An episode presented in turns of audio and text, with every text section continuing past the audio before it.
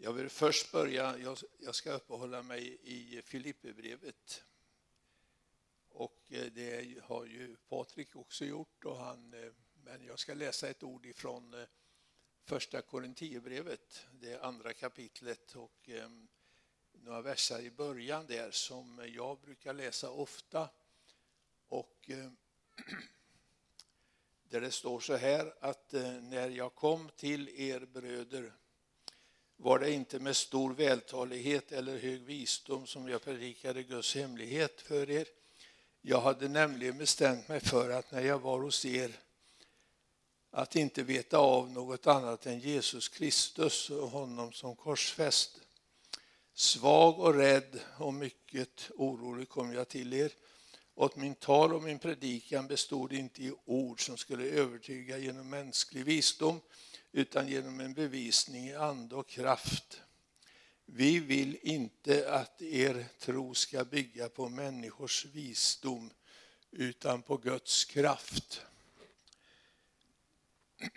Det är ju så att eh, varje gång man ska säga någonting så här och läsa Guds ord så mm, finns det ju en viss nervositet och samtidigt så är det ju så att man vill ju säga någonting som är till hjälp för de som lyssnar och en hjälp för mig själv också som står här framme.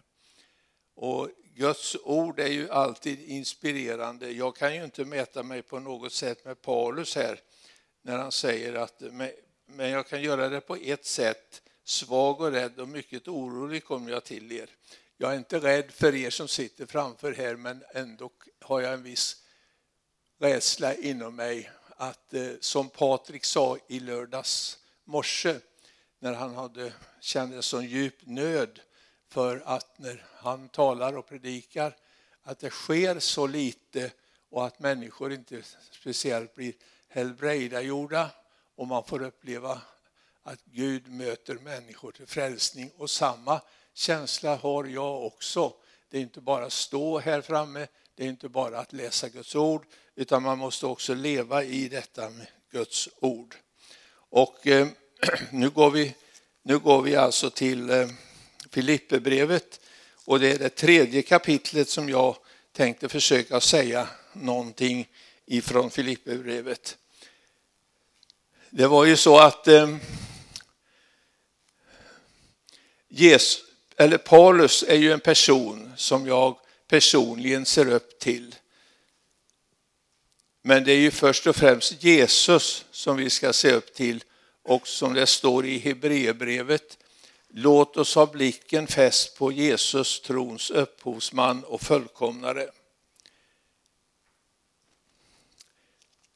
Och eh,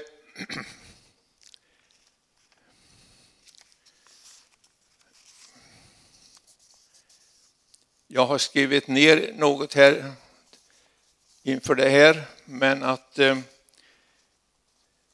det var ju så att eh, när jag själv blev frälst och fick uppleva frälsning i mycket unga år så blev ju även mitt liv förvandlat.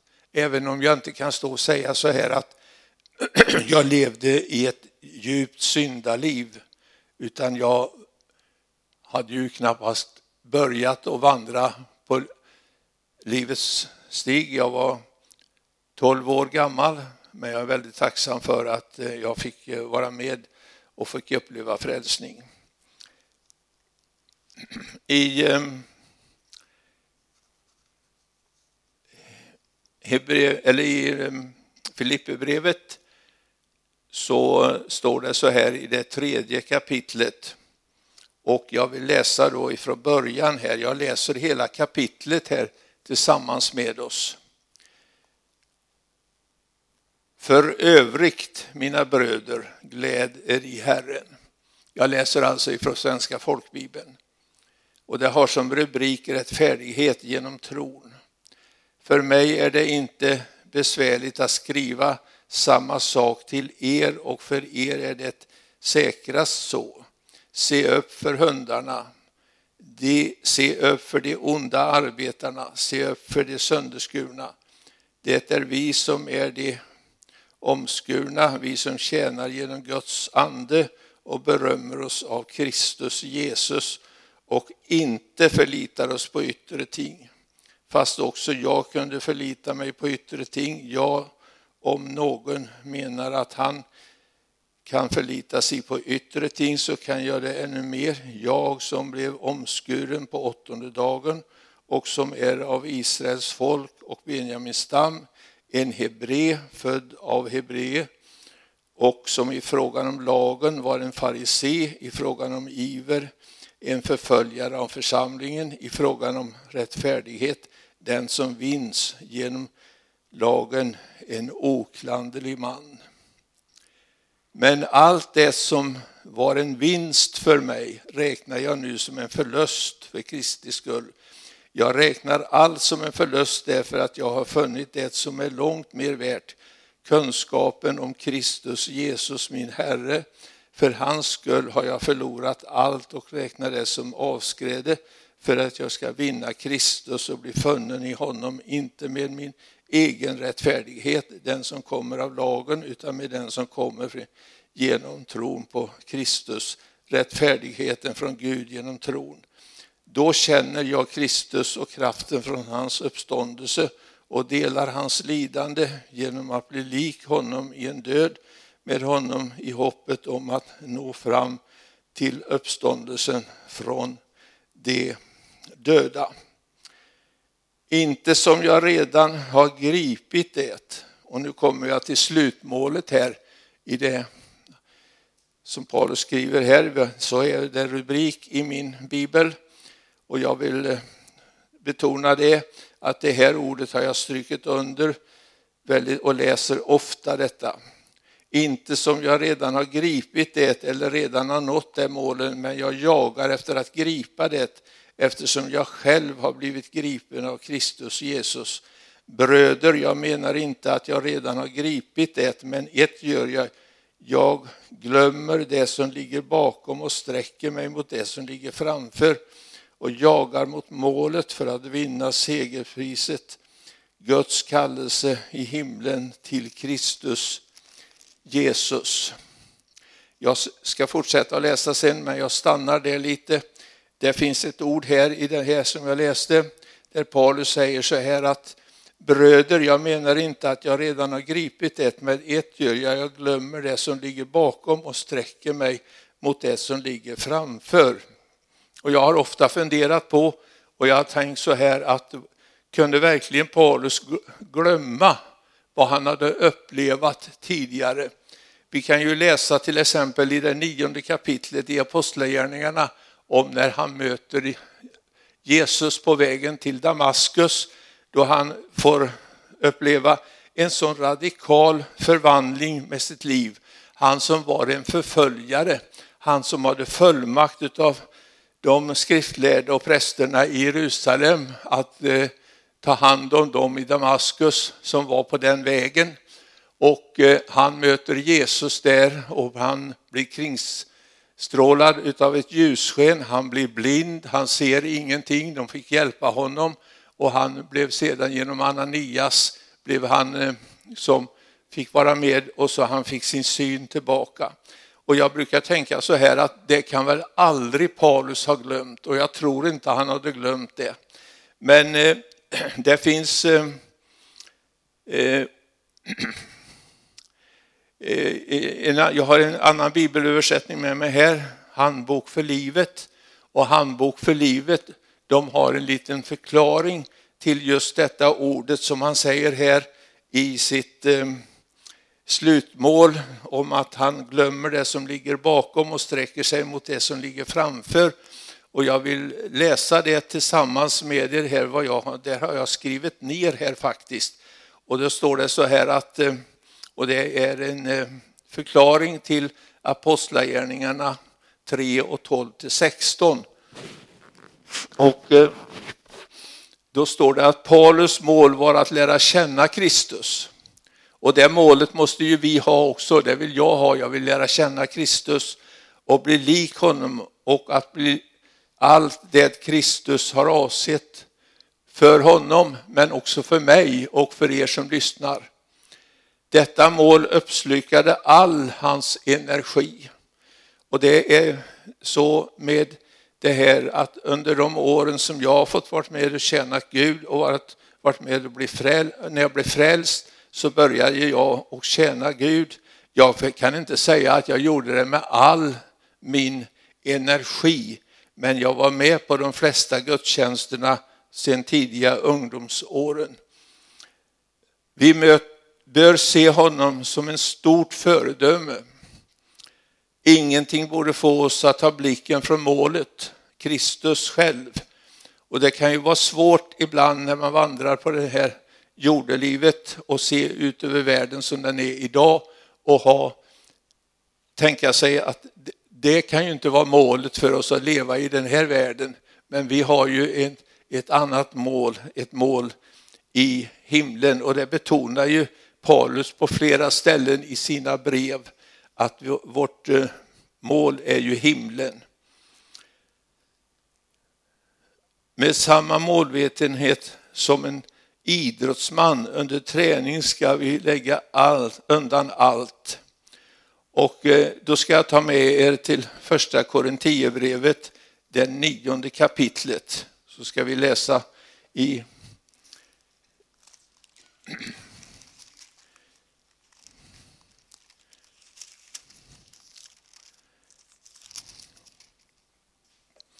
Och vi ska läsa i den, ifrån den 24 versen till kapitlets slut. Vet ni inte att av alla löparna som springer på en tävlingsbana är det bara en som får priset. Spring så att ni vinner det. Men alla som tävlar underkastar sig allt hårdare träning. Det för att vinna en segerkrans som vissnar, vi för att vinna en som aldrig vissnar. Jag löper alltså inte utan att ha målet i sikte. Jag boxas inte likt ett som slår i tomma luften. Istället slår jag min kropp och tvingar den till lydnad för att jag inte själv på något sätt ska komma till korta vid provet när jag predikar för andra. Och eh, ni vet ju lika väl som jag, de som tränar som idrottsmän, de lägger ju ner oerhört mycket tid och de är ju väldigt målmedvetna. Och jag skulle önska att vi som kristna och att jag också naturligtvis skulle ha samma energi och samma vilja att träna för att nå det målet.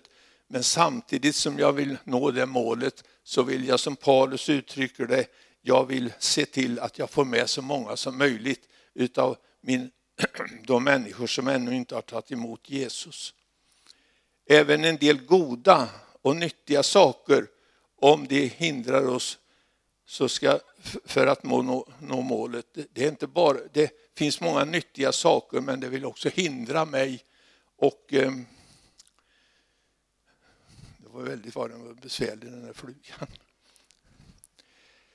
Eh, att eh, vi kan ha nyttiga saker men det tar mycket tid och det vill föra oss bort ifrån Kristus. Men nu kommer jag till detta som Paulus skrev här i, sin, i Filipperbrevet där han säger att eh, bröder, jag menar inte att jag redan har gripit det, men jag glömmer det som ligger bakom. Och då står det så här att i den här förklaringen till detta, vi har det finns faktiskt skäl för Paulus att känna sig skyldig. Han hade vakat eller vaktat ytterkläderna åt den som stenade Stefanus. Det första, den, den första kristna martyren. Och det står i Apostlagärningarna 7, 57 och 58. Vi har alla gjort sådant som vi helst vill glömma och alla lever vi i spänningsfältet mellan vad vi har varit och vad vi vill bli. Men eftersom vårt hopp är Kristus kan vi glömma vår skuld i det förflutna och se framåt mot det han har, som han vill hjälpa oss att bli. Tänk inte på det som har varit utan väx till i kunskapen om Herren och koncentrera dig på ditt förhållande till honom nu. Gäller oss alla, gäller mig i högsta grad. Du är förlåten och ska gå vidare i ett liv i tro och lydnad. Du kan se fram emot en mer meningsfull tillvaro än någonsin eftersom ditt hopp står till Jesus Kristus. Många gudsmän som Gud har använt var behäftade med många fel och brister. Låt mig ta ett par exempel. Mose som var en mördare. Petrus förnekade Jesus, men de blev användbara för Jesus. Och vi har ju sådana exempel i vår nutid där människor har fått uppleva ett förvandlat liv. Här, förra veckan så lyssnade vi på, jag och Gunnel, på kanal 10 och då lyssnade vi på Carl Gustaf Severin. Och eh, ifrån hans berättelse hur eh, människor får möta Gud i Ryssland. Och han berättar också att det har ju grundats tusentals nya församlingar i distrikten som Sibirien. Och eh, de som är pastorer för de församlingarna idag, det är före detta narkomaner och alkoholister. I samtliga församlingar är det ledarna, pastorerna, som har fått ett förvandlat liv.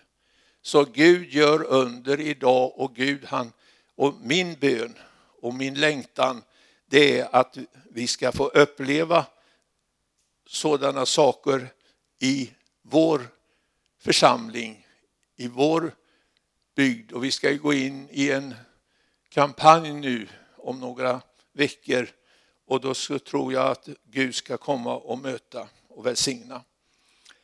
Min favoritbibelvers i eh, Bibeln, det är där när Paulus säger i första Timoteusbrevet, det sjätte kapitlet och tolfte versen. Och den fick jag när jag gick i bibelklass utav våran föreståndare som vi hade då. Och då står det så här att kämpa trons goda kamp, söka vinna det eviga livet som du blir kallad till och som du bekände dig till genom att inför många vittnen avlägga den goda bekännelsen. Och det har jag försökt i alla fall under min levnad att vara så att jag sökt att vinna det eviga livet som du blev kallad till och som du bekände dig till. Jag bekände mig till det och jag har bekänt det ute bland mina kollegor när jag har haft det, att jag har fått uppleva den här frälsningen. Och därför så vill jag varmt rekommendera att man söker Guds ord och söker i Guds ord och får uppleva mer av honom. Jag fick för några år sedan en fråga vad Bibeln har betytt för mig. Och eh, jag skulle skriva ner det vad som Bibeln har betytt för mig. Och jag skrev ungefär så här att eh, nu talar jag fritt ur hjärtat vad Bibeln har betytt för mig. Och det var att när jag växte upp så hade ju Bibeln en central plats i vårat hem.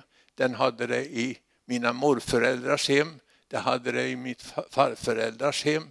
Och därför så präglades mitt liv utav att eh, man fick uppleva eh, eh, kraft genom bibelordet. Inte minst också genom att man i skolan fick läsa bibelord och ha psalmversar och bibelversar som man skulle kunna utan till. Och det var en väldig styrka, det gav en väldig kraft. Och eh, om jag inte är helt ute och, och cyklar som man brukar säga så har man väl försökt att ha detta året som ett bibelår då man från Svenska Bibelsällskapet propagerar för bibelläsning. Och det är, det är ju Guds ofelbara ord, det här ordet. Jag brukar säga så här att jag måste ju vara fundamentalist när det gäller, men jag tror faktiskt på vad som står i den här bibeln ifrån första Moseboks första kapitel till Uppenbarelseboken, det sista kapitlet. Och jag tror att det är sant det som står. Jag tror det är sant när det står om att Jona satt i fiskens buk. Jag tror att när Daniel blev kastad i lejongropen, det tror jag på. Jag tror när Sadrak, Mesak och Abonego fick gå in i den brinnande ugnen, det tror jag på. Jag tror det är sant.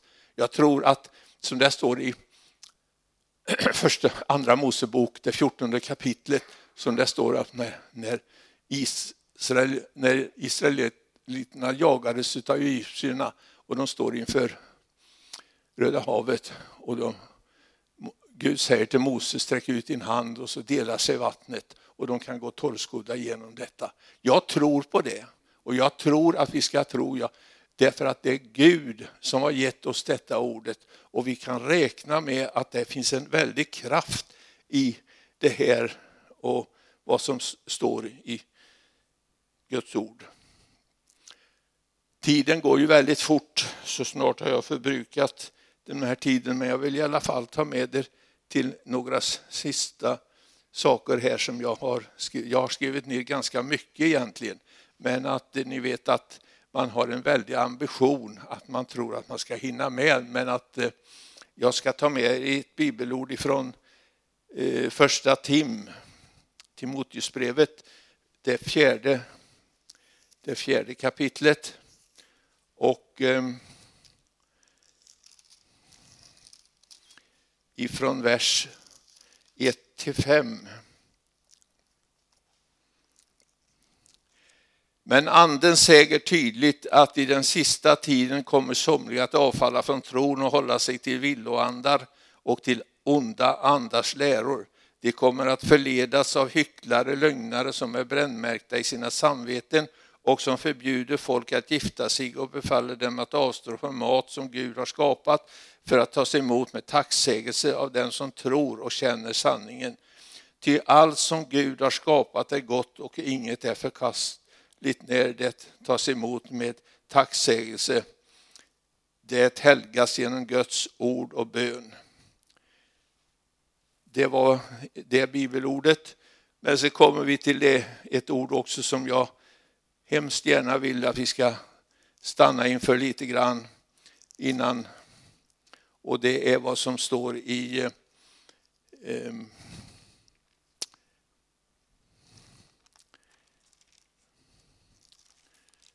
jag har skrivit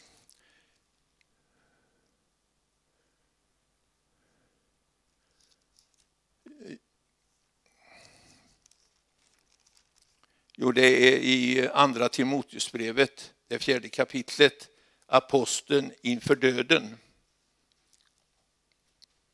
Där skriver han så här att eh, jag uppmanar dig allvarligt vid Gud och Kristus Jesus som ska döma levande och döda och inför hans uppenbarelse och hans rike predika ordet, träd fram i tid och otid, bestraffa, tillrättavisa och förmana med all tålamod och all undervisning, ty det ska komma en tid då människorna icke längre ska stå ut med den sunda läran, utan efter sina egna begär skall de samlas sig mängder av lärare allt eftersom det kliar dem i öronen.